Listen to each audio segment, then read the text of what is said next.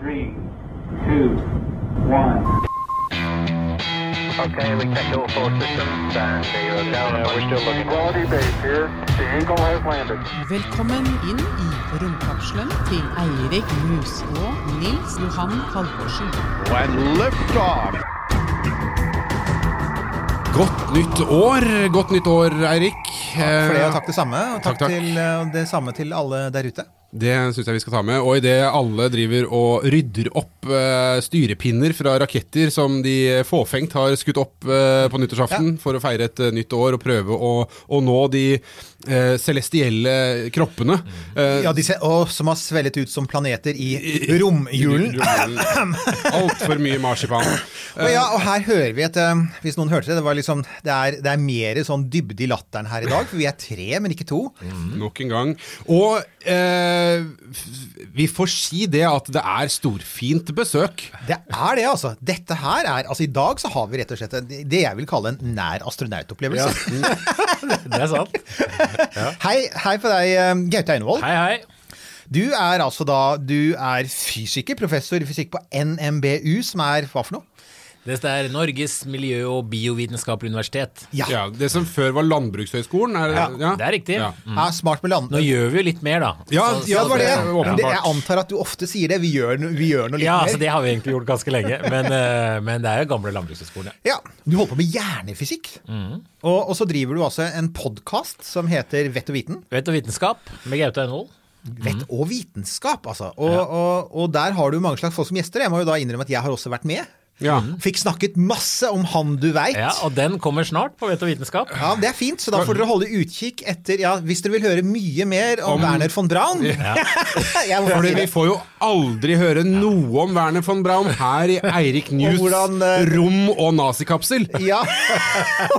Og NASAs nazistiske fortid.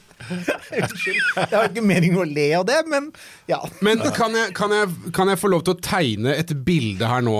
Et bilde eh, som eh, med bak, bakteppe i dette bildet er da altså de kasakhstanske stepper. Ja, og der har du vært. Vi Ja. pleier ofte å ende der, og du kan alltid navnet på lederen i Kasakhstan. Uh, Nursultan Nazarbayev, the first president of the republic, uh, som de er, eller han da er veldig glad i å feire på alle mulige måter. Da også å, å liksom eh, danse i glansen av, bade i glansen av uh, internasjonale romprogram og, og um, reiser dit til, til verdensrommet.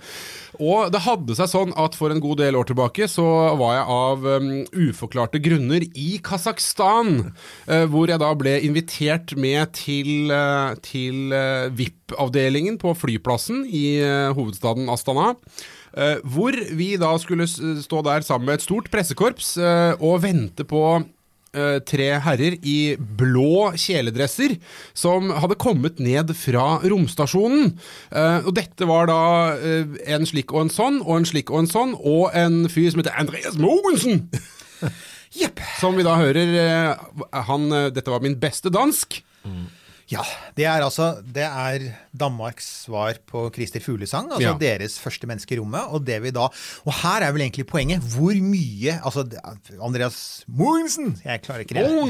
Det, vi, altså, det er helt flott og alt det der, men hvor mye heller ville du ikke ha sett vår gjest i dag komme gående sammen med de to beefy russerne? Altså Ideelt sett så skulle jeg sett at det var meg.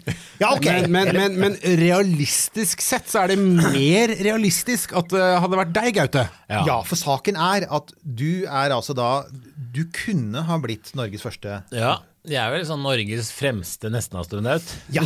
Og da, ja.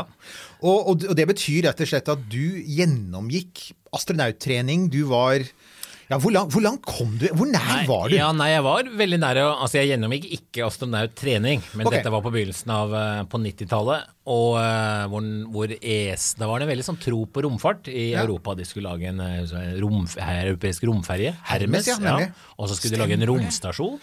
Columbus eller et eller annet sånt. Ja. Ja. Så de hadde veldig sånne, så da skulle bygge ut en veldig sånn rominfrastruktur da, i Europa, og så skulle de ha også da astronauter fra Europa. Så da hadde jeg en annonse ute da, til, eh, til, som da gikk ut til alle ESAs medlemsland, det var vel 13 på den tida, blant annet Norge. da. Ja. Så da søkte jeg, det var høsten 1990. Ja.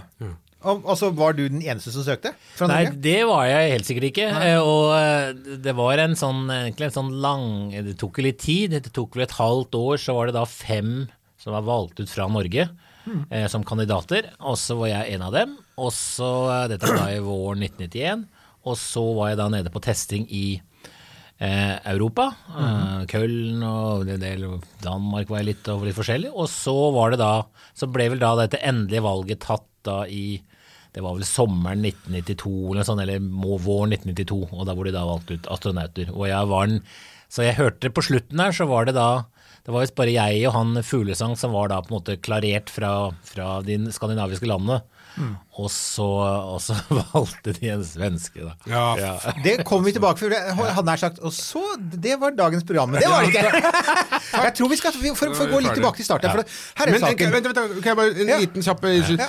Bare si det at eh, det var ikke du som vant det programmet som gikk på TV2, eh, hvor premien var en Ja. tur til verdensrommet. La, la bare Så det var ikke meg. Nei, det var, det var ikke Det var- Gaute Einevold. Her har vi gjort det ad eh, riktige kanaler. Dette, du, du gikk av, den, av de kanalene som for så vidt Altså alle, så å si alle astronauter da, som har vært der oppe fram til nå, Mm. har, har gjort det. Fins en liten håndfull med romturister, men det Ja, er liksom en litt annen kategori. Men av de liksom sånn 538 eller hva som har vært oppe i rommet fram til nå, så er det liksom noe sånt som 530 Alle de 530 har gått samme vei som deg. Men det jeg lurer på, da, Mm. det er jo altså, eh, du, altså Hvor var du i livet da du søkte på dette her? For hva var det som gjorde altså at du Fysikk, er det, har noe med det å gjøre? eller? Ja, altså det de ville ha, det husker jeg, det var, de ville ha, det var liksom to typer astronauter man skulle ha da. Mm. Og det ene var sånne mission specialist, som det heter, og de som da, og da ønsket de i Norge, de norske kandidatene, det var folk med en bakgrunn i naturvitenskap og teknologi, eh, og jeg var akkurat i ferd med å avslutte en doktorgrad i, i fysikk, Mm. så det var liksom en, en, en bit av det. Og så hadde de også skulle de også ha noen sånne testpilot, eller sånne pilotastronauter, da. Hvor det også var en norsk eh, Der slår, jeg, slår ikke du meg som at du var en av de. Nei. Nei. det var ikke. Det var faktisk en Til slutt så var vi jo fem stykker som ble valgt ut, og det var én sånn en pilotkandidat, da. Ja. Mm. Nei, det er jo, altså det var jo veldig lenge så var jo det altså Astronaut i, i både i, i Sovjet og USA var jo lenge egentlig bare sånn testpilot, og som regel med militær bakgrunn. Mm. Ja. Vi hadde jo, eh, I vår forrige sending snakket vi om Apollo 8, og der var jo alle tre var jo militære testpiloter. Ja. det, det største greia i det programmet det var liksom sånn konkurransen mellom marinen og flyvåpenet, liksom. ikke sant? Men, du, men du er jo da helt sivil, og du skal, var det altså mission specialist, ferdspesialist, heter det? Ja, det er vel det, da. For det man skulle jo da gjøre Det var jo da under romfergens tid. Og da skulle man jo bruke fly romfergen opp og, og gjøre da Ja, I det svære lasterommet. ikke sant? Så du kan, Ja. du kan ta ting i det svære lasterommet. Instrumenter, små romstasjoner. Mm. For dette var jo før man hadde begynt å bygge den svære romstasjonen. Så det, så det var jo en måte å gjøre det på, da. Plassere teleskoper kunne de gjøre der også. Så, så var liksom tanken var at du eventuelt skulle sitte Altså Hvis du liksom visualiserte deg, kanskje sitte i romferja og styre et instrument som sto i den derre Kanskje det, og så gjøre noen sånne eksperimenter. Det var jo en del sånne kanskje biologiske, biologiske eksperimenter. hvor du skulle da... Ja, for at hjernefysikk Du jobber jo også da med Ja, men det var før den tiden, skjønner du. Oh, ja, okay. så, den, så jeg begynte ikke med hjernen før i eh, egentlig i to- 93-94. Da var jeg i, som, som forsker i USA. Så du gikk fra outer space til inner space. Det- Nå leverer du, Eirik! Jeg tror vi alle sammen er fedre her, er vi ikke det? Jo. Ja, men der sier jeg Dad jokes er tillatt her, så du også, det er bare lov. Det er lame dad jokes. Men du, altså og dad joke, det er noe som gjør barna flaue. Ja, det er hele Det er- poenget. det er så så ja. da, da, vi, vi, ja, vi, vi veit at det er ikke så mange barn som hører på dette her, så det Men altså, det er fint om dere gjør det, men dere må leve med vitsene. Men du, eh, jeg tenker sånn Altså jo, du, men, altså, du var interessert og sånn, men eh, er du omtrent Altså, jeg er 55 år. Er du Mm. omtrent hvilket ja, jeg er 57. Ja, så og da må jeg spørre deg, liksom Hvor var du den 20. juli 1969?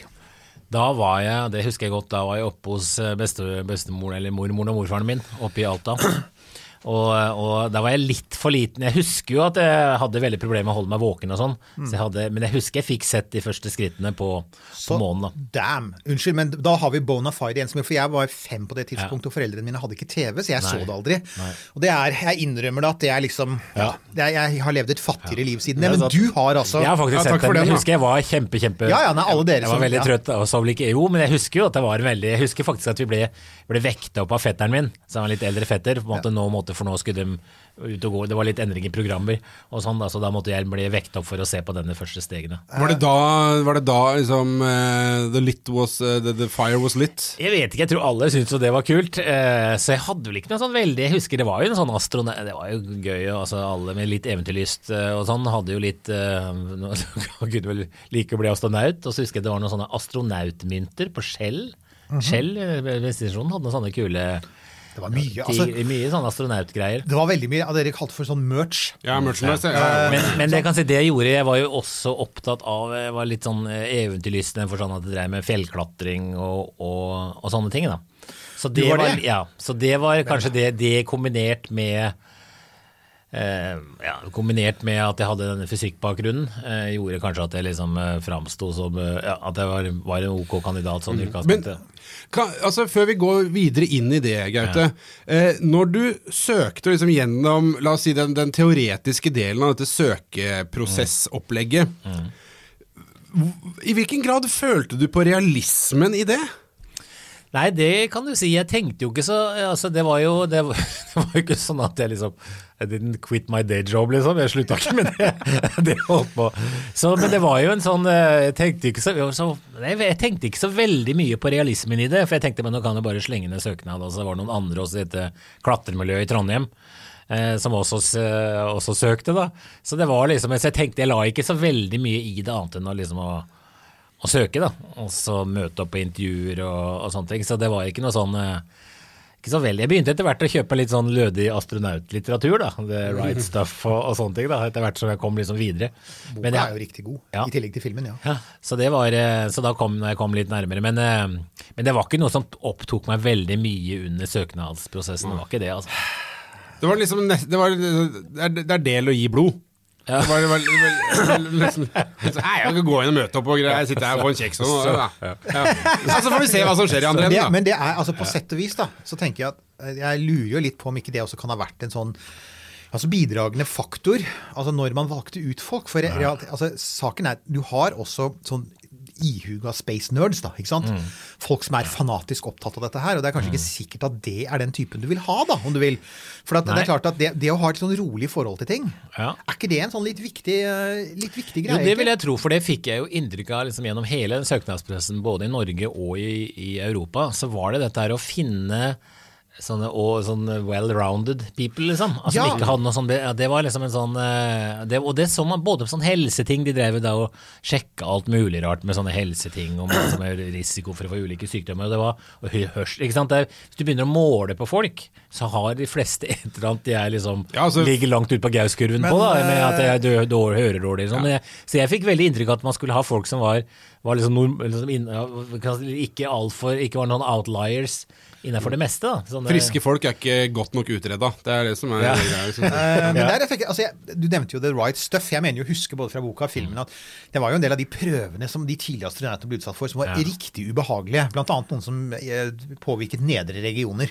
Å, ja. Ja, ja. Eh, altså, var, var altså, når du ble testet, du sier du ble testet. Altså, Hvor grundig var det? Var det sånn at du gjennomgikk du sånn røffe medisinske tester, eller var det bare sånn fastlegen med blodtrykk og Nei, det, var, det husker jeg faktisk ganske godt. Vi ble jo da Men ikke noe mer røffe enn det man ellers blir hvis man skal utredes. For jeg husker faktisk her i, i, i Norge så var vi da vi ble samla en gjeng her i Oslo. Jeg var jo i Trondheim på den tida.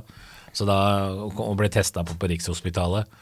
Og da var det jo sånn med sånn endoskopi, da, som er liksom gastroskopi gærne veien. Og da husker jeg, da ble vi en hel gjeng som da ble, ble testa. Og så var det en som kom ut og så hadde hatt Det var liksom to leger, da. Han jeg hadde var ikke så veldig brutal, men han andre som hadde blitt testa, han, han hadde visst vært litt mer litt mer ivrig tjenesten. Da. Så hadde han begynt å ynke seg, han ene kandidaten. Da. Og da hadde han sagt, han legen, at jeg vil bli astronaut, eller vil ikke bli astronaut? jo da, ok, og da var det liksom bare å stake videre omtrent. Altså det. Er det, er det veldig galt med det? Altså, altså, det er jo en sånn velkjent greie fra alt som har med aliens å gjøre, at de er veldig opptatt av anal probing. Ja, ja, ja. Men jeg begynner nå å skjønne at kanskje de rett og slett leter etter astronauter. Det er kanskje det som er greia. Det er ikke anal probing, folks. Det er endoskopi for å sjekke om du er skikket til å bli med. Og hvis, du da, hvis du da ynker deg, og det er tydelig at de som klager over å ha blitt sånn anally probe, de ynker seg alltid. Det er de som ble, det er de som ble rejected. Så de som besto det, de er, de er nå på romskip der ute. Så de er den intergalaktiske Ja. Men ellers så var den største Det var, husker jeg, det var den mest ubehagelige testen. Det var jo en del sånne tester med på, For det var noen som var rent medisinske, som bare er sånn på vanlig sykehus. Og det var noen som var sånn rommedisinsk og sitte i lavt eh, lufttrykk og, og en del sånne ting. Og så var det den verste testen, eh, det husker jeg det var nede i Europa. Det var en sånn der kvalmetest hvor du skulle sitte i en sånn roterende stol. Oh, Og så gå rundt alle mulige veier. Ja, hvor poenget var å, å, å få deg kvalm, da. Så det var liksom den som var mest uh, ubehagelig, da. ja, da er jo spørsmålet ble du kvalm? Ja, jeg ble, forferdelig kvalm. Men da tenkte jeg, for det var jo sånn at man skulle liksom man kunne avbryte det selv, da. Men det var liksom helt på slutten, det var den siste testen. Så det var liksom ikke snakk om at jeg skulle avbryte denne av ubehaget. Da. Så da, men etter husker vi hadde noen sånne runder hvor det gikk fort, det var liksom tolv sånne runder. Og, og, og da etter den sjuende runden hvor det gikk fortere og fortere, og du skulle bøye ned hodet for alle mulige sånne Coriolis-krefter og skrekkeligheter, altså da ble, ble avbrutt, avbrøt forsøket, for da Eh, da så de at blodtrykket mitt ikke så så bra ut. Men, eh, men poenget var at det, de, det, det var for å sjekke at du hadde en normal respons, fordi at alle, Ja. ble, alle ble kvalme. Og det var heller ikke noe klar lærte jeg, at det var ikke noe klar sånn kobling mellom de som ble kvalme i den stolen, og de som ble romsjuke oppe i rommet. For det er jo en del sånn romsjuke, Ja. at folk blir kvalme i rommet. Så det ble bare gjort av rein sadisme, det der. Det var det ikke. Altså det, det Ja. finnes jo en, en veldig, en annen veldig, nå har vi nevnt The Right Stuff, det finnes en annen veldig god romfilm der ute som heter First Man, som er den biografiske filmen om Neil Armstrong. Og der handler det blant annet om hvordan han blir testet i en sånn en. Ja. Det er en berømt, det er en veldig god serie den filmen som viser at han blir spunnet rundt, og han er en av den som er sånn helt iskald i den situasjonen, og som bare sånn roer seg ned. Og poenget er at når Neil Armstrong første gang skal opp i rommet litt seinere, det er med en Gemini-ferd, da, ikke før Apollo, så skjer jo akkurat det med den kapselen han er i. Den begynner å spinne vilt. Og det er Neil Armstrong som faktisk holder seg kald og roer det ned og får kontroll på dette spinnende romfartøyet rett før de får blackout fordi at de spinner så fort. Så i ettertid så ser man at i hans tilfelle så hadde faktisk den testen en konkret verdi, da. For at han var da forberedt på at et romskip Altså, det ville ikke skjedd med romferja, for den var så svær, men de små kapslene, sånn som vår lille trange romkapsel, de kan faktisk komme i spinn, da. Så det tror jeg nok var en sånn eh, ting de sjekka hele tiden, at du oppførte deg, du var, beholdt roen, da. Selv om det var ubehagelig, eller eh, ja.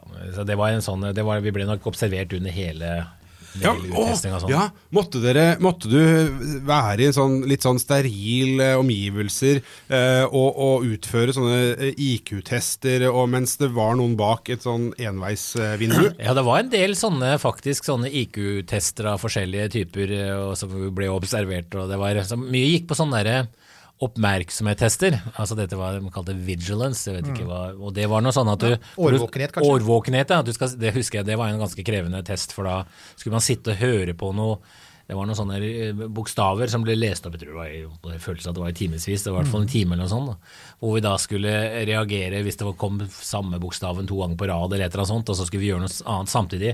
Og det er en ting som da er hvor som skjedde da noen få ganger. Så det er sånn det, som er veldig vanskelig for oss mennesker å holde konsentrasjonen oppe så lenge.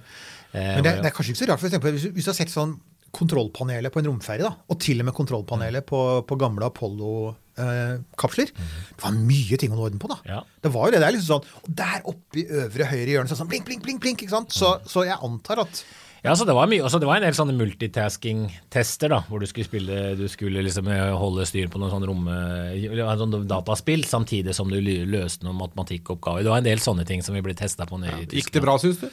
Ja, det gjorde det. Og det, det var en ting at jeg gikk, men det var jo det som egentlig skjedde, var at det, dette, de som holdt på med denne uttestinga i Europa Skal du ha kaffe, er det det du Ja, peker- gjerne. på? Ja. gjerne. ta Nå tar vi nå tar vi og klemmer litt kaffe ut av en oppvarmet pose her. Vi bruker da rehydrert vann fra, fra brenselcellene våre. Ja. så, Så mm, Nei, for det, jeg jeg vil si at det, det de egentlig gjorde på de, de som drev og tok ut da, folk ned i dette europeiske, det var vel europeiske ro- Raum und Lov, Deutsch Luft- und Raumforschung, tror jeg som sto for, Ja. for det, det husker jeg, det var nede i Köln vi var der. Ja, In die Werner von Braum eh, gebaude. Så, for da var det kom jeg, kom jeg helt, Nei, de skulle liksom finne at det, Så de gjorde ikke den endelige De skulle liksom finne ut folk som var kvalifiserte.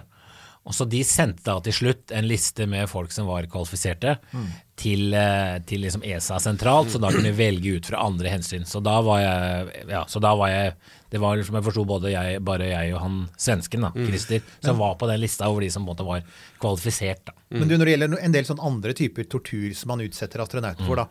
Det er av og til jeg tenker at de som lager disse testene, Jeg tror de kunne tjene gode penger i de litt mer sånn eksotiske delene av det seksuelle markedet. Altså, for det er mye F.eks.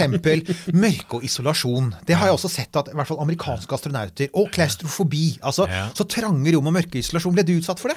Ikke noe mørk isolasjon. og jeg, jeg tror ikke det var noe spesielt trange rom. Jeg husker det var noe sånn merkelig sånn undertrykksbukser jeg gikk, eller som vi skulle i. da. Oh, ja. Men det var sikkert noe sånn i forbindelse med noe sånn der rom... rom eh, G-krefter og noe Jo, ja, det, men det var noe annet sentrifuge. For det Ja, hadde du sentrifugen? Sentri, ja, sentrifugen. Det var Fortell, veldig- for den er jo den har alle, alle har sett den på film. Ja, ikke sant? det var veldig gøy. Hvordan, hvordan ser det ut? Hvordan ser maskinen Nei, ut? det er jo en, bare en eh, sånn karusell, da, på en måte, som du kryper inn i en kapsel liksom helt ytterst på en liten sånn der, eh, et lite rom, da, hva heter det? En liten sånn der, kapsel, ja. Med lang arm? Med lang arm, ja, og så snurrer den rundt. Og da husker vi hadde først Det var to tester. Det ene var at du skulle ha 6G, eh, altså 6 ganger tyngdekraften, sittende. Og, og da var det at du skulle prøve da, skulle du liksom prøve å holde deg bevisst lengst mulig. For at det, problemet er at, du, at eh, blodet forsvinner fra huet, og så, og så, og så blir man bevisstløs. Da. Så da skulle man klemme igjen sånne eh, setemusklene, husker jeg. Eh, og da, ja, så det var en, og hvis, da, da var det sånn at du skulle se på noe lys på siden, og når de begynte å forsvinne, for det hvis det første som ryker er sidesynet, så når de forsvinner, så er du på vei til å eh, ja, så, og, og, passe ut da. Det, men det var én test, og, så, og den andre var ni test liggende. Nei, ni tester, 9G liggende. Og da, så da lå man det på ryggen, da, for da hadde man ikke noe problem med at blod forsvant fra huet. Men da ble man jo veldig skeiv. Husker det var Det liksom høres sånn ut som et problem, Du fikk liksom en sånn der 60 kilos venstre kinn, liksom, som du prøvde å dra deg mot det. Hvor mange G, vet du hvor mange G du kom opp i på det meste? Jeg tror jeg var oppe i 9G på den liggende. Ja. Men altså dette er eh, kan si, Jeg har hørt disse pilotene som flyr F-16 og sånn, de tror jeg har en sånn de, de, Disse svingene så har de fort en 5-6-7G, liksom. Ja, og det er vel Eh, Så, så det, jeg tror ikke det var jeg, jeg vet ikke hvor ekstremt det er å være astronaut i forhold til å være pilot. Men, men jeg tenker liksom, når du, når, du, når du kommer ut av en test hvor eh, målet er eh, Du får beskjed Denne testen går ut på å holde deg bevisst så lenge som mulig. Ja. Og hvis du så liksom passer ut, så tenker jeg ja ja, nå har jeg gjort mitt ytterste for å få til det. ja. Men er det ikke litt sånn også at altså, de kan faktisk kjøre deg til du nesten besvimer? Litt som altså, Du kan øke trykket på en brennstofftank til den eksploderer, bare for å se, se om hvor mye den tåler, liksom? Ja, men jeg tror også det var, det var ikke sånn at man liksom, hvis man eh, nødvendigvis var ute, selv om jeg hadde jeg, det var ingen tester hvor jeg liksom hadde spesielle problemer, men jeg tror det var noen andre som da hadde noen problemer, som fikk prøve en gang til, Mm. blant annet på sånn, eh, når det var sånn lite luft, og folk, noen folk som besvimte. Ja, for jeg sånn kan si at, altså, at sånn. Under en eh, normal romferjeoppskyting og en normal rakettoppskyting så vil du havne på en 2-3 G. Ja. Og det vil, si at, ja, det vil si at hvis du f.eks. er normalvektig norsk mann, altså 80 kilo, da, så er det 240 kilo du føler deg som. 9G, det er vel på det verste under oppbremsing fra rommet. Og jeg vet at disse her eh, med, med kapsler eh, Det var en sånn russisk Soyuz som hadde en malfunction for et års tid siden, og måtte bare komme ned til jorda med en gang. Det gikk helt fint, men underveis så var de et sted mellom 12 og 15 G, så da satt jo disse karene som da veier 80-90 kilo, og veide altså oppimot et tonn ikke sant, i, i setet. Og da skjønner du at det kanskje er lurt å teste på forhånd, da. Ja, og det er, for da tror jeg de får problemer, for det var det vanskeligste, det at de hadde problemer med å puste. Ikke sant? For at brystet ble kollapsa. Altså, jeg liksom det, at Men jeg vet ikke om de hadde kanskje noe drakk noen ganger eh, I hvert fall disse pilotene når Ja. de flyr, de har noen sånne Ja, sånn, trykkdrakter. ja, ikke sant? Ja, Så som da- hjelper klemme på låret for å klemme blodet opp i kroppen, Så ikke det sant? Ja. så hjelper til. Da. Men jeg vet ikke om de pilotene, altså disse astronautene, kosmonautene, hadde det. da. Men så har vi jo det motsatte, da. For det er den andre tingen, og det er egentlig høres enda kulere ut, og det er jo vektløshet. Prøvde Ja, du det, eller? Nei, det dessverre. Hva?! For det liksom det, Ja, jeg det hadde jo vært kjempegøy, men det, jeg, det hadde jeg veldig lyst til å få, gjort uansett. Det fins jo en sånn Jeg må jo si, jeg har, jeg har sjekka det faktisk. Det fins noen steder hvor du får, får gjort det. Det fins noen steder i USA, og så er det faktisk i Moskva. Der fins det noen sånn eh, karer som tidligere var i det sovjetiske flyvåpenet, som har kjøpt opp noen gamle fly. Og det, det er to turer. Du kan enten ta en sånn vektløshetstur. Da tar de deg opp i et gammelt transportfly, og så flyr de deg i sånne parabolbuer. Og så er du vekstløs i 30 sekunder av gangen, og så, lander, og så, så gjør de det mange ganger. Så det er den ene. Og den andre er at du får lov å sitte i en MiG 25 uh, og fly helt opp til stratosfæren. Ah, Be, bortsett, Eh, Ja. Det er, det er opptil flere ting her som jeg bare sånn umiddelbart stiller meg litt skeptisk til. Måten du legger det fram på. Det er noen karer som var som kjøpte noen gamle fly. Det, det, Det gamle transportflyet der er kanskje det siste flyet jeg har lyst til å styrte ned og for å så rett opp igjen! med litt sånn kulehull fra Afghanistan og sånn, men ellers i god form. Yes, no, pro no problem, Gaute. You will survive. Hey, you go is weightless and no problem. Only for you, special price. Sergej, kick the skutke Ja. Nei, det Så hørtes ja, ut. så det er, det er enten det, eller du kan eh, ja, dra på øltur til Litauen. Men uansett. Så, så, så ja, men altså eh, Jeg tenker igjen, altså du, du, du gjorde jo ikke vektløsheten. Men en av de tingene som jeg har lagt merke til, for jeg har jo, jeg har jo etter hvert faktisk du, du har jo ja, du har vel truffet en del astronauter, har du ikke det? Ja, altså jeg traff eh, ikke veldig mange, men jeg husker på en av, på en av testene så mm. eh, På en av testene traff jeg en som het Helen Mars. Husker du henne? Hun var første brite i rommet. Ja, stemmer. For hun søkte også om å bli eh, astronaut samtidig med, med meg, da. Eh, og det ble heller ikke valgt ut, for så vidt. Det var sikkert fordi britene da ikke la så mye vekt på Det ble mye politikk til slutt der. Eh, så jeg traff, fikk snakket litt med henne. Det var litt eh, det var for så vidt litt gøy, bare høre noen sånne røverhistorier. Hun hadde vært oppe med Mir, med russerne.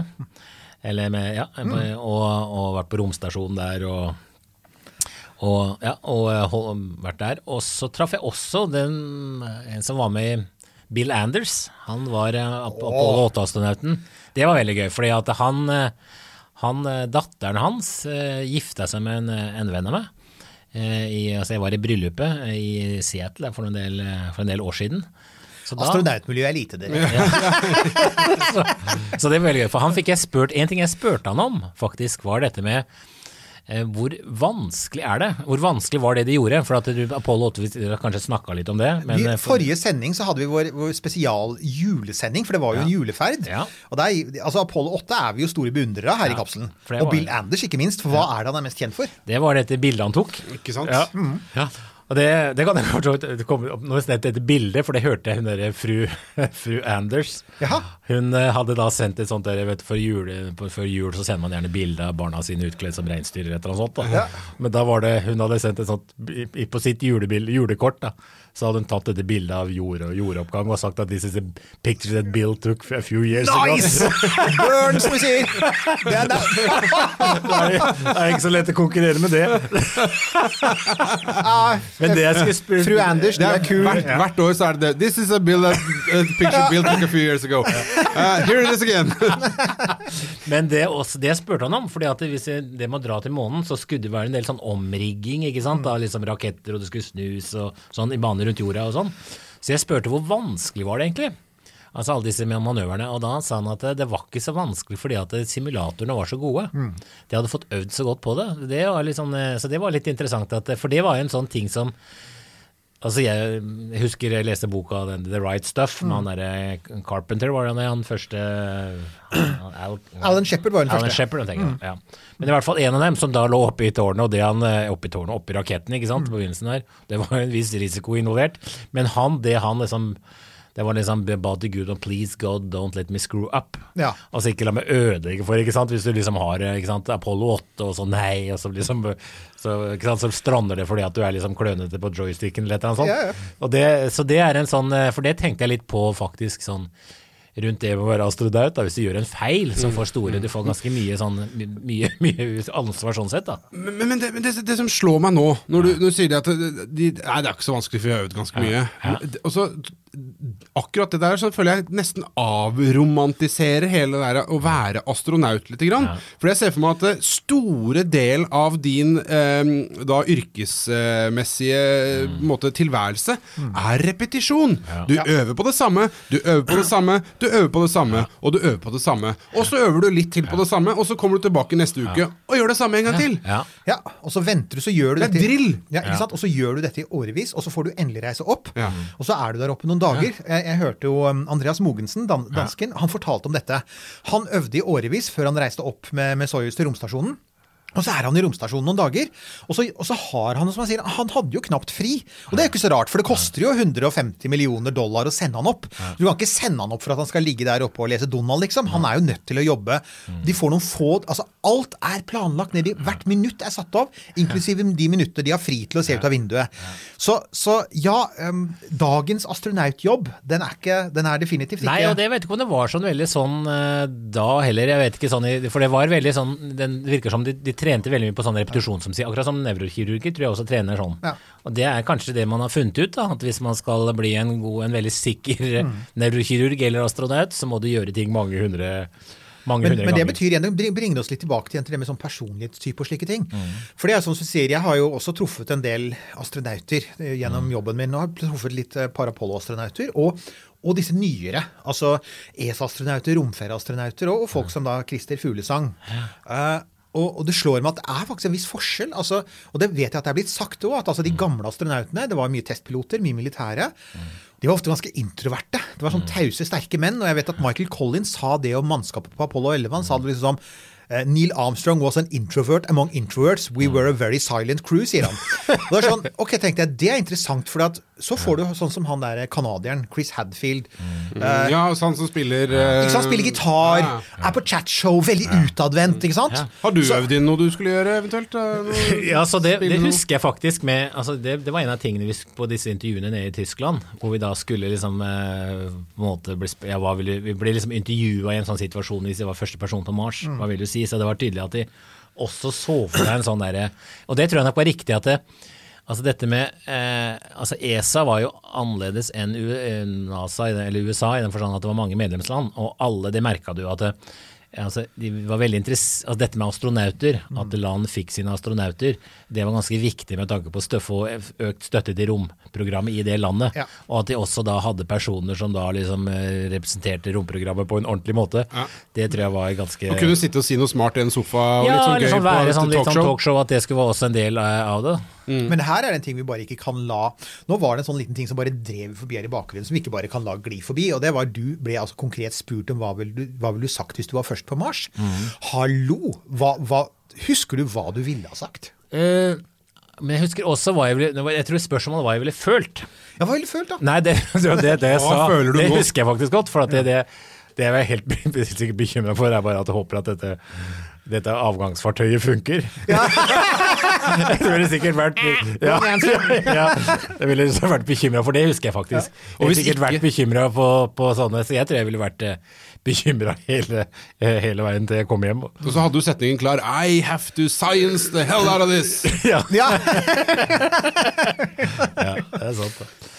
Så, men, det, men apropos dette med sånn introverte og folk som da Mm. Han sa vel også han Aldrin da, at han, eh, han, når han ble spurt til hva følte og sånne ting, at han, han sa om at eh, vi, de, skulle, de skulle sende, vi var ikke liksom, eh, vi var ikke, vi var ikke forfattere, vi var ikke poeter, Nei. vi kunne ikke Og jeg vet ikke om det, det var en episode av The Crown den tredje sesongen. Det var, jeg syns det er en artig, artig serie. Fin da, serie, ja. ja, fin serie. Og da var det en faktisk episode som handla akkurat om det, at han prins Philip, som da gikk gjennom en slags midtlivskrise der var så drømte om disse, disse Apollo 11-astronautene, når de kom til Slottet i Buckingham Palace, så hadde han en egen sånn privat audiens med dem. Og så ble jeg spurt om hva ikke sant, i det store bildet, og så, så viste det at disse tre astronautene var bare noen unggutter som da hadde liksom eh, bare var sånne unggutter flest, og kanskje ikke var så veldig seriøse. Og i grunnen, jeg sa at vi, vi følte i grunnen ikke så mye, vi, bare, vi var så travle og vi hadde så mye å gjøre. De var bare sånne ja, så, så det var en sånn eh, point, litt dette poenget som du akkurat tar opp, at Ja. de var så opptatt av bare å gjøre jobben sin og, og, Ikke sant? og ikke føle altfor mye. Du bare kicker inn sånn drill Det er, men det er, det er, det er litt som du gjør med, eh, som med ilddrill i, i militæret. Altså det der forsvaret at når sånn skjer, så gjør du sånn. For da har du gjort det så mange ganger at det bare blir sånn lillehjerneprogrammering. At det bare Ja, da er det det jeg gjør. Ja, for Jeg tror også, jeg har tenkt også litt på det hvis jeg er veldig opptatt av fotball. Når man skal ta et straffespark i en veldig avgjørende situasjon, så bør man ikke være en sånn filosofiske typen. jeg tror det. Jeg tror det. Man bør bare være liksom Jeg tror du er inne på, noe- veldig viktig der. for at det, er, altså det, som vel, det vi så med veldig mange av også Apollo-astronautene, var at de hadde ganske sterke reaksjoner i etterkant. Flere av dem ble kunstnere.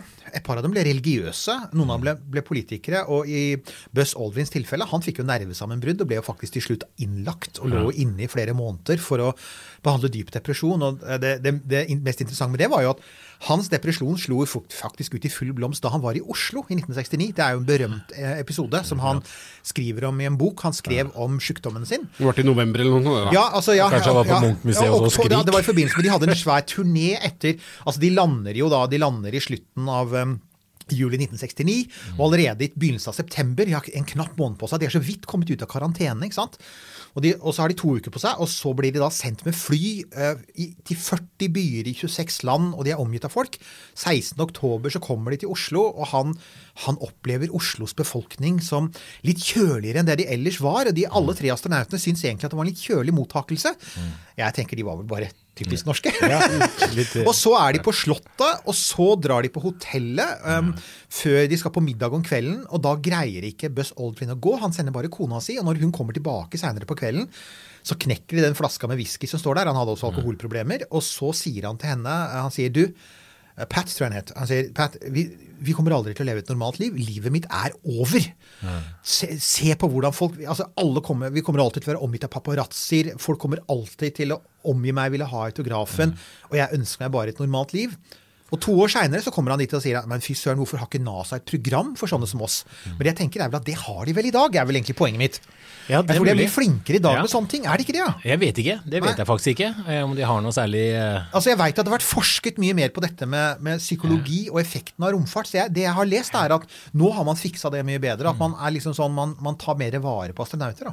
I hvert fall var det mye Det var jo en del sånne eh, altså personlighetstester, i hvert fall i, i den, den astronauttestinga i 91-92. eh, Hvor de tror de prøver også, det var på utkikk etter sånne ting. Da. I hvilken grad de kan plukke opp sånne ting ved hjelp av sånne tester, vet jeg ikke. Da. Men i hvert fall var det, tror jeg de hadde det som et perspektiv. Men du, eh, når du, eh, når du Altså, Vi snakka om det i stedet her med den realismen som du kanskje ikke hadde på det da du starta mm. på prosessen. Men så har du gått gjennom en hel masse greier, og du vet at navnet ditt er i en bunke, på en liste, på en veldig kort liste. Og så begynner et eller annet sted realismen å øke. Eh, og som de da har spurt deg om, hva følte du da? Ja, det, ble, det var jo veldig interessant, for da var jeg også eh, Kan du si etter, eh, etter de europeiske testene, som var sommeren 91, så dro jeg til eh, Da var jeg ferdig med doktorgraden, så dro jeg til USA, San Diego, for å, for å forske da videre. Eh, og, da, eh, og da ble jo egentlig livet ganske eh, Altså da, da levde jeg jo det livet, da. Og så tenkte jeg ikke så veldig mye på det da, før jeg fikk begynte å ble da intervju, det var henta på et sånt sluttintervju i Paris. Det husker jeg fløy fra San Diego til Paris. Og det var for å treffe da Da var, da var liksom disse, disse uttesterne var ute av bildet, så da var det for å treffe disse eh, direktørene i, i ESA. Så det, og det var veldig sånn, for det husker jeg veldig godt. Da satt det med, da var det tydelig sånne For det husker, det var det mer at hun skulle sjekke at Jeg vet ikke om de skulle få et slags personlig inntrykk av disse astronautene for å ta den aller siste seleksjonen. Eller om det var kanskje bare for å ha et påskudd for å gjøre politikk etterpå, eller hva det egentlig var, da. For jeg husker i hvert fall fikk ett spørsmål hvor jeg kunne ha røket, men det gjorde jeg ikke, for da husker jeg det var en sånn veldig Veldig sånn litterær, jeg tror var italiener, en av disse direktørene, som spurte meg om jeg var liksom litterær. Jo, jeg har lest noen bøker og sånn, da. Og så, og så spurte om jeg hadde lest en Spør meg om fotball, ja, si. ja, ja. Og da spurte jeg om jeg hadde lest Ulysses, og, så, og da et lite sekund så lurte jeg på om han mente den derre var en bok av Alistair MacLean som jeg, oh, ja. som jeg faktisk hadde lest. Den har jeg også lest, og det er det eneste jeg har lest. Ja. Så, Den er bra, men det, forresten. ja, men det, jeg skjønte at det var ikke den han var ute etter. Nei, nei, det så, var der, det. så det var ikke der jeg røyk, da. Men det jeg husker faktisk fra det intervjuet, for at det var en svenske som var, eh, eh, som var en av disse direktørene. Ja ja, det var vel det, ja. Det var det, for det, men det faktisk, for han, eh, for han spurte meg faktisk, de andre spurte meg liksom sånn, har du lest Ulysses og sånne ting, men han spurte meg om jeg hadde problemer med å bruke hendene. Og jeg sa dette var jo nei, liksom, eller sånn, det var jo et spørsmål som på en måte de hadde testa veldig mye under. ikke sant, De hadde jo testa all sånn mm, bruk av Og det jeg skjønte, men det jeg skjønte med en gang, var at dette var For det var jo så, så på meg og Christer. Så forskjellen hvor vi var begge fysikere. Uh, og jeg tror jeg vi, Vi var jo begge kvalifisert, uh, og, jeg tror egentlig på en måte jeg hadde en fordel i forhold til han, at jeg var yngre. Så jeg tror liksom eh, ut fra det så kunne jeg vært jeg var fem år yngre eller noe sånt. Så, og, så det jeg tenkte på at det som, Hvis det var én ting som kunne skille Han gjorde eksperimentell fysikk, og jeg gjorde da og, og jeg, sånn, mm. Mens jeg gjorde teoretisk fysikk. Så det tenkte jeg med en gang at å, å, dette her er ikke bra. Så jeg tenkte at eh, Så hvis liksom partikkelakseleratoren om bord i romferjen gikk i stykker, så, Så kunne han fikse da Så da skjønte jeg at dette kunne være et argument for han i forhold til meg, da. Svensken, ass! Ja, så det tror jeg nok. Men altså, sånn er det når svenskene er en dobbelt, minst dobbelt så stor romsta, romstasjon, rom, romnasjon. I hvert fall sånn i forhold til størrelse, og Ja, for, var veldig altså, opptatt fra av det. Christer Fuglesang ble jo da, ble jo da Mm. valgt. Og du, hvordan fikk du vite om dette, forresten? Altså, får, du, får du da bare et brev som sier 'We are sorry to inform you'? Eller, eller ringer statsministeren, eller hva er det som Nei, skjer? det, var, det som faktisk var en som het Raymond Fife, som jobba på Norsk Romsenter, som holdt i dette her fra norsk side. Så han holdt meg ganske tett oppdatert uh, hele tiden. Så det var han som ringte og, og, og sa at det ikke, at det ikke ble noe av. Da. Uh, for det var vel snakk om, tror jeg først, uh, at de skulle ansette ti astronauter. Eh, og, så, eh, og så ble det jo da Gjenforening av Tyskland kosta veldig mye penger. Så da ble det en kutt i, kutt i programmet. Det var i hvert fall det jeg hørte. Eh, ja, og, så, og så da ble det bare seks. Og da ble det fra de store landene. Det var en franskmann, en tysker, en spanjol, en belger, og så en svenske, og så var det en til. Så det var liksom sånn eh, Ja. at det var, gikk på en sånn For jeg hørte faktisk at det var mange av de som var kvalifisert, om det var en 18 stykker eller hva det var, så var det veldig mange irer.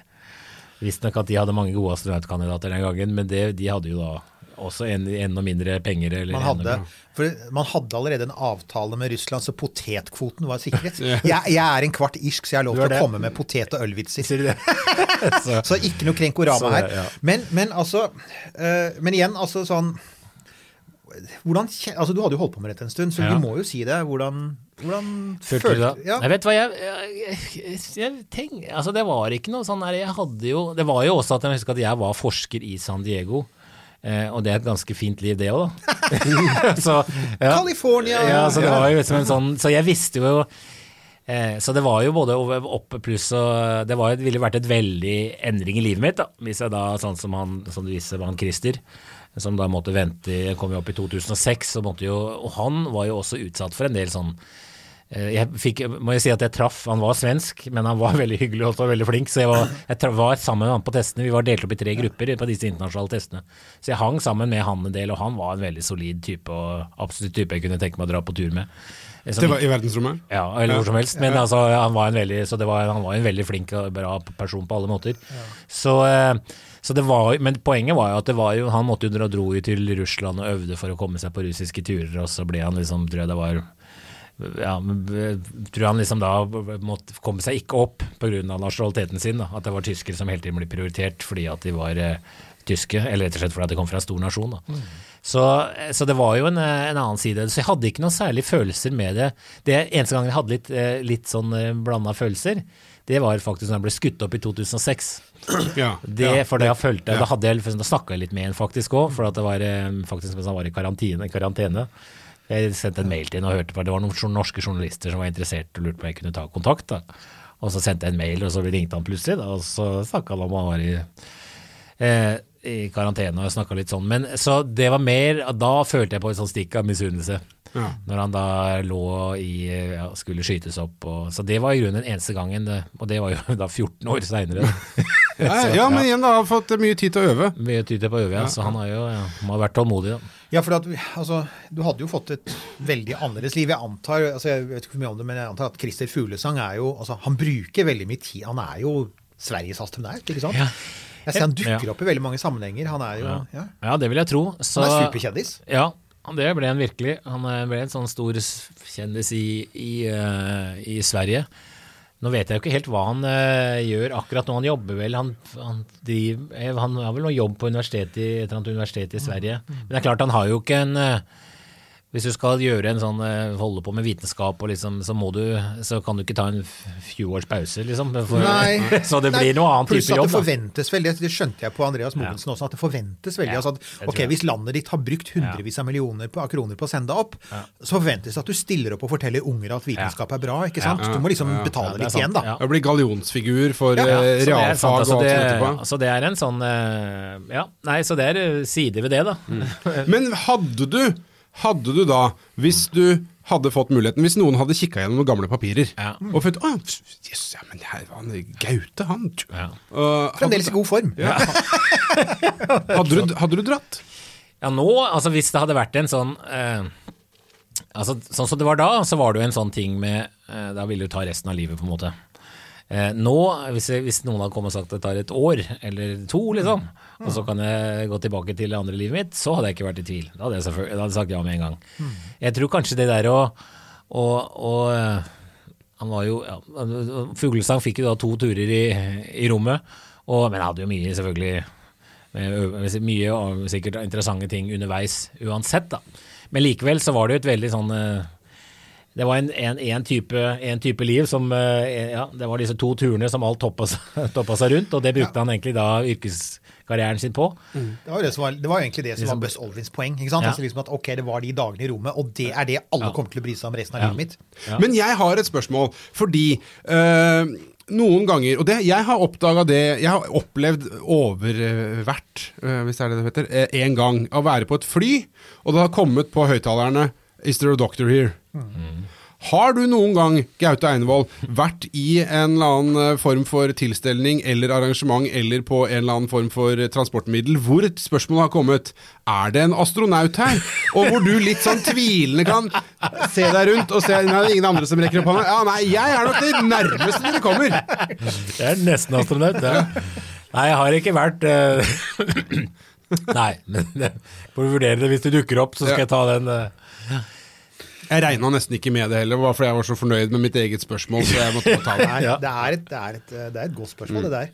Det er jo en mulighet, da. Det er jo altså, altså Akkurat mens vi driver og, og tar opp denne podkasten, så driver jo, så er det jo to sånne private selskaper. Blue Origin er eid av Jeff Bezos og Elon Musk sitt selskap, uh, SpaceX. Og så er det jo også Virgin Galactic, men det er riktignok ikke oppe i bane. Det er i sånn kortturer og med svippturer.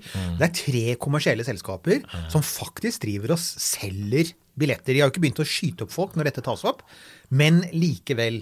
Hvis det faller til La oss si det de har snakket om er sånn størrelsesorden 100 000 dollar. Det er det alle sier at det er liksom sweet spoten for hvis da du skal kan få folk gjøre det. Ja.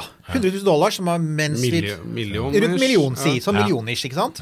Litt avhengig av kronas styrke. Og snakke med kona først. i hvert fall. Ja, nei, det er nå én ting, men, men, altså, men, men, men allikevel, da. Det er jo en livsdrøm, ikke sant? Ja. Og det var jo noe du brukte mange Altså, Ja. Det ville, er- ville du tatt opp et sånt der eh, forbrukslån på huset, eller? sånn, ja. Nei, det vet jeg ikke, for det er jo en veldig annen type annen Ja. type astronauttilværelse, det. da. Og, og det å være og på scenen, og ordentlig forskerastronaut og, og, og være der i en romstasjon og være der liksom, framfor å ta en sånn der eh, Bare vært der, liksom, for det er det du er, ikke sant? Ja, blir nesten litt sånn dødd. Sånn Ja, bare, så det blir, noe, det blir noe ganske annerledes, da. Så jeg er ikke sikker på om det Du vil Formelt sett vil du kunne kalle deg astronaut. Da. Det har jeg skjønt. For at hvis du er over 100 km, som heter ja. von Karman-grensen, det er liksom den offisielle. Og det er det eh, alle er veldig opptatt av. De skal få det over 100 km. Jeg, jeg kom på, jeg kom på en, en greie her nå. Vi bør snakke med litt sånn forbrukslånsbanker, Lendo og sånn. Kanskje de er hypp på å sponse oss. Altså, hvis vi nevner det hver, i hver episode, at det er mulig Ja. snart å kjøpe seg en billett. Astronautlån. Ja, Lendo. det tror vi bare, det er Ta- bare sånn ta ta, Det ring forresten om en episode om en av de første norske som var på Mount Everest, på den ekspedisjonen. Og der var jo betalt av han Arne Næss jr., Ja. som var veldig rik, da. Og dette var en av de beste norske klatrerne. Og, han, og da han ble spurt etterpå, da Først ble han spurt hvorfor han var med på turen, og sa at han han var en typen som likte å gå i motbakker, og dette var lengste motbakken han fant. Og, men Det var noe ene, men andre, andre var at men var det verdt pengene? Og da sa han nei, hadde det vært mine penger? Så, det er jo det, da. Hvis noen andre betaler, så, Ja, så er det litt er annerledes enn hvis man tar opp en million. Ja, altså ja, I nå lån. nå er du inne på det. Mulige sponsorer. Sånn Ja. Jon Fredriksen, Kjell Inge Røkke, ikke sant. Så det er, ja, nei, jeg, ser, jeg, ser, jeg ser det for meg. Altså, milliardærer er bra. Vi kan si det fra rommet. Vi kan det. Men nå tror jeg nok det er akkurat det å være Og det husker jeg også med når jeg traff eh, eh, altså under det der, De første astronautene de skulle jo være helt de, skulle det var så mye, de visste jo ikke noe om det å være i rommet, så de skulle liksom ikke ha hatt tannverk engang. Liksom. Det var, jeg vet ikke, men det var omtrent ingenting skulle være helt plettfri helse. Mens nå har man jo sett at det er ikke så og jeg, jeg husker så kritisk, og jeg husker jeg var på traff han Christer etter den, det var den første turen hans. Da var han hadde en sånn turné og var her i Norge, oppe på, her i Oslo.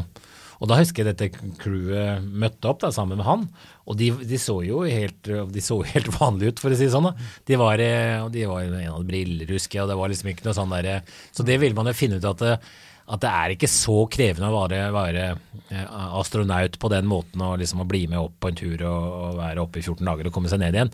Jeg tror ikke det er en veldig krevende, krevende ting. Det er kanskje mer det der å eh, den der utholdenheten til å, si, holdt på å si, øve i et svømmebasseng i et år for å kunne liksom uh, montere et eller annet på utsiden av en romstasjon, eller alt det andre som krever mer en sånn uh, psykisk en sånn utholdenhet og en sånn psykisk uh, stabilitet. Da, på en måte. Så, jeg, så poenget er jo veldig rik, så tipper jeg at, ene- at Fredriksen kanskje heller vil bruke penger på, på en eller annen som står nærmere en uh, ja, slektning, kanskje, som har lyst til å dra i rommet, eller bruke penger på det.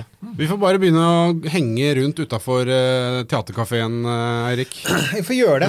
Jeg får, ha, får bare Ja, fortsette bare å gå med min, sånn der, sånn, eh, min uh, Facebook-kjøpt eh, sak som Ja, eh, den var hoodie. veldig fin, da. Den er ganske fin. Det er sånn eh, Neil Armstrongs romdrakt, og jeg fyller den godt ut, så jeg føler at dette er helt, eh, dette er helt riktig. Mm, det er reelle proporsjoner. Det er reelle proporsjoner. Ja. Så det er eh, som jeg, Ja. Men eh, ja, da, nå skal jeg si, sånn som du pleier, eh, Eirik, at eh, vi begynner å nærme oss. Denne gangen ikke. Vi begynner ikke å nærme oss eh, Kasakhstan eh, og Nei. steppene steppene og sånne eh, antikvariske helikoptre skal ikke hente oss. Nei. for det var Det ble, men det ble bare nesten denne gangen. Og Det er jo en sånn ting, da. Altså, dette med hvorfor har ikke nå Sverige og, Danmark har hatt astronauter oppe? Og hvorfor har ikke Norge hatt det? Og det, det altså dette med å, å, å liksom ha en sånn få, få en norsk astronaut, og hva det betyr for interessen og media og alle, det er et perspektiv som kanskje norske politikere kanskje ikke har Vi har ikke, vi har ikke et veldig sånn teknologi Jeg syns vi har mye bra norske politikere, men de er ikke veldig sånn teknologi- og vitenskapstunge. det. Ja. det, går jo an, å- det går jo an å si, og det har ikke vist noe særlig interesse. Og det er kanskje Nei. sånn der, apropos med rekruttering til realfag, å få en større andel av våre flinke flinke ungdom til å gå, flinke og ivrige ungdom til å gå og jobbe med det. Da. Så, for nå er det snart eh, det er snakk om at det er 50, års, 50 år siden Apollo og nå er det 30 år siden jeg ble nesten astronaut snart. Da. Så sånn 30 år Ikke sant? Ja. Ja da, vi er raskt på vei mot det. Vi, jeg, jeg, jeg tror vi, får, vi skal stramme opp. Vi får ta dette videre med våre kontakter i Norsk Romsenter. Og, og videre derfra. Jeg, vet du hva, jeg kjenner en eh, politiker som eh, nylig har vært uh, nede i USA og møtt opptil flere eh, figurer uh, fra bl.a. Apollo og NASA. Uh, og vet du hva, vi skal, skal, skal høre litt med han. Hva, hva han tenker, hva de tenker om det der. og der. Ja. Så han, han la ut mye skrytebilder på Facebook og koste seg gløgg på et eller annet sånn fact-finding mission eh, nede i eh, USA der. Ja, og da kan vi jo helt på tampen si at uh, hvis det er- skulle være interesse for det blant uh, våre lyttere, for å få denne politikeren i studio til å snakke om norsk rompolitikk, så er det bare å ta kontakt. Og eventuell øredøvende taushet tas ikke som en fornærmelse, men vi, vi kommer til å vente i spenning. Gaute Einvoll, eh, Ja, Gaute. du Takk. kom hit i vår romkapsel. Ja, Ja. veldig hyggelig. Ja, og da er jeg, jeg er superhappy med å ha hatt en, en vaskeekte nær Ja, og det er faktisk, Dette er første gang jeg har snakket om eh, disse tingene. Eh, altså det var, for det er jo en sånn dette med hvordan man det, Jeg vil jo tro at eh, de som da kommer til å, forhåpentligvis da, om ikke så lenge, Ja. unge nordmenn som da skal søke om å bli astronauter, de vil kanskje gå gjennom kanskje litt av det samme, da. Altså, opplevdes det godt å snakke om disse tingene? Ja. Siden vi nå er Snakker ut om den tunge alltid- tiden! Siden, siden vi tross alt lager produseres av selskapet som lager Pia og Syken, så Ja. kan vi godt ta den. Det er jo alltid hyggelig å snakke om ting som, eh, til folk som er interessert, da. Ja, og det er våre lyttere. Så takk for at du tok deg tid. Bare hyggelig. Denne Podkasten er produsert av Tid og Lyst.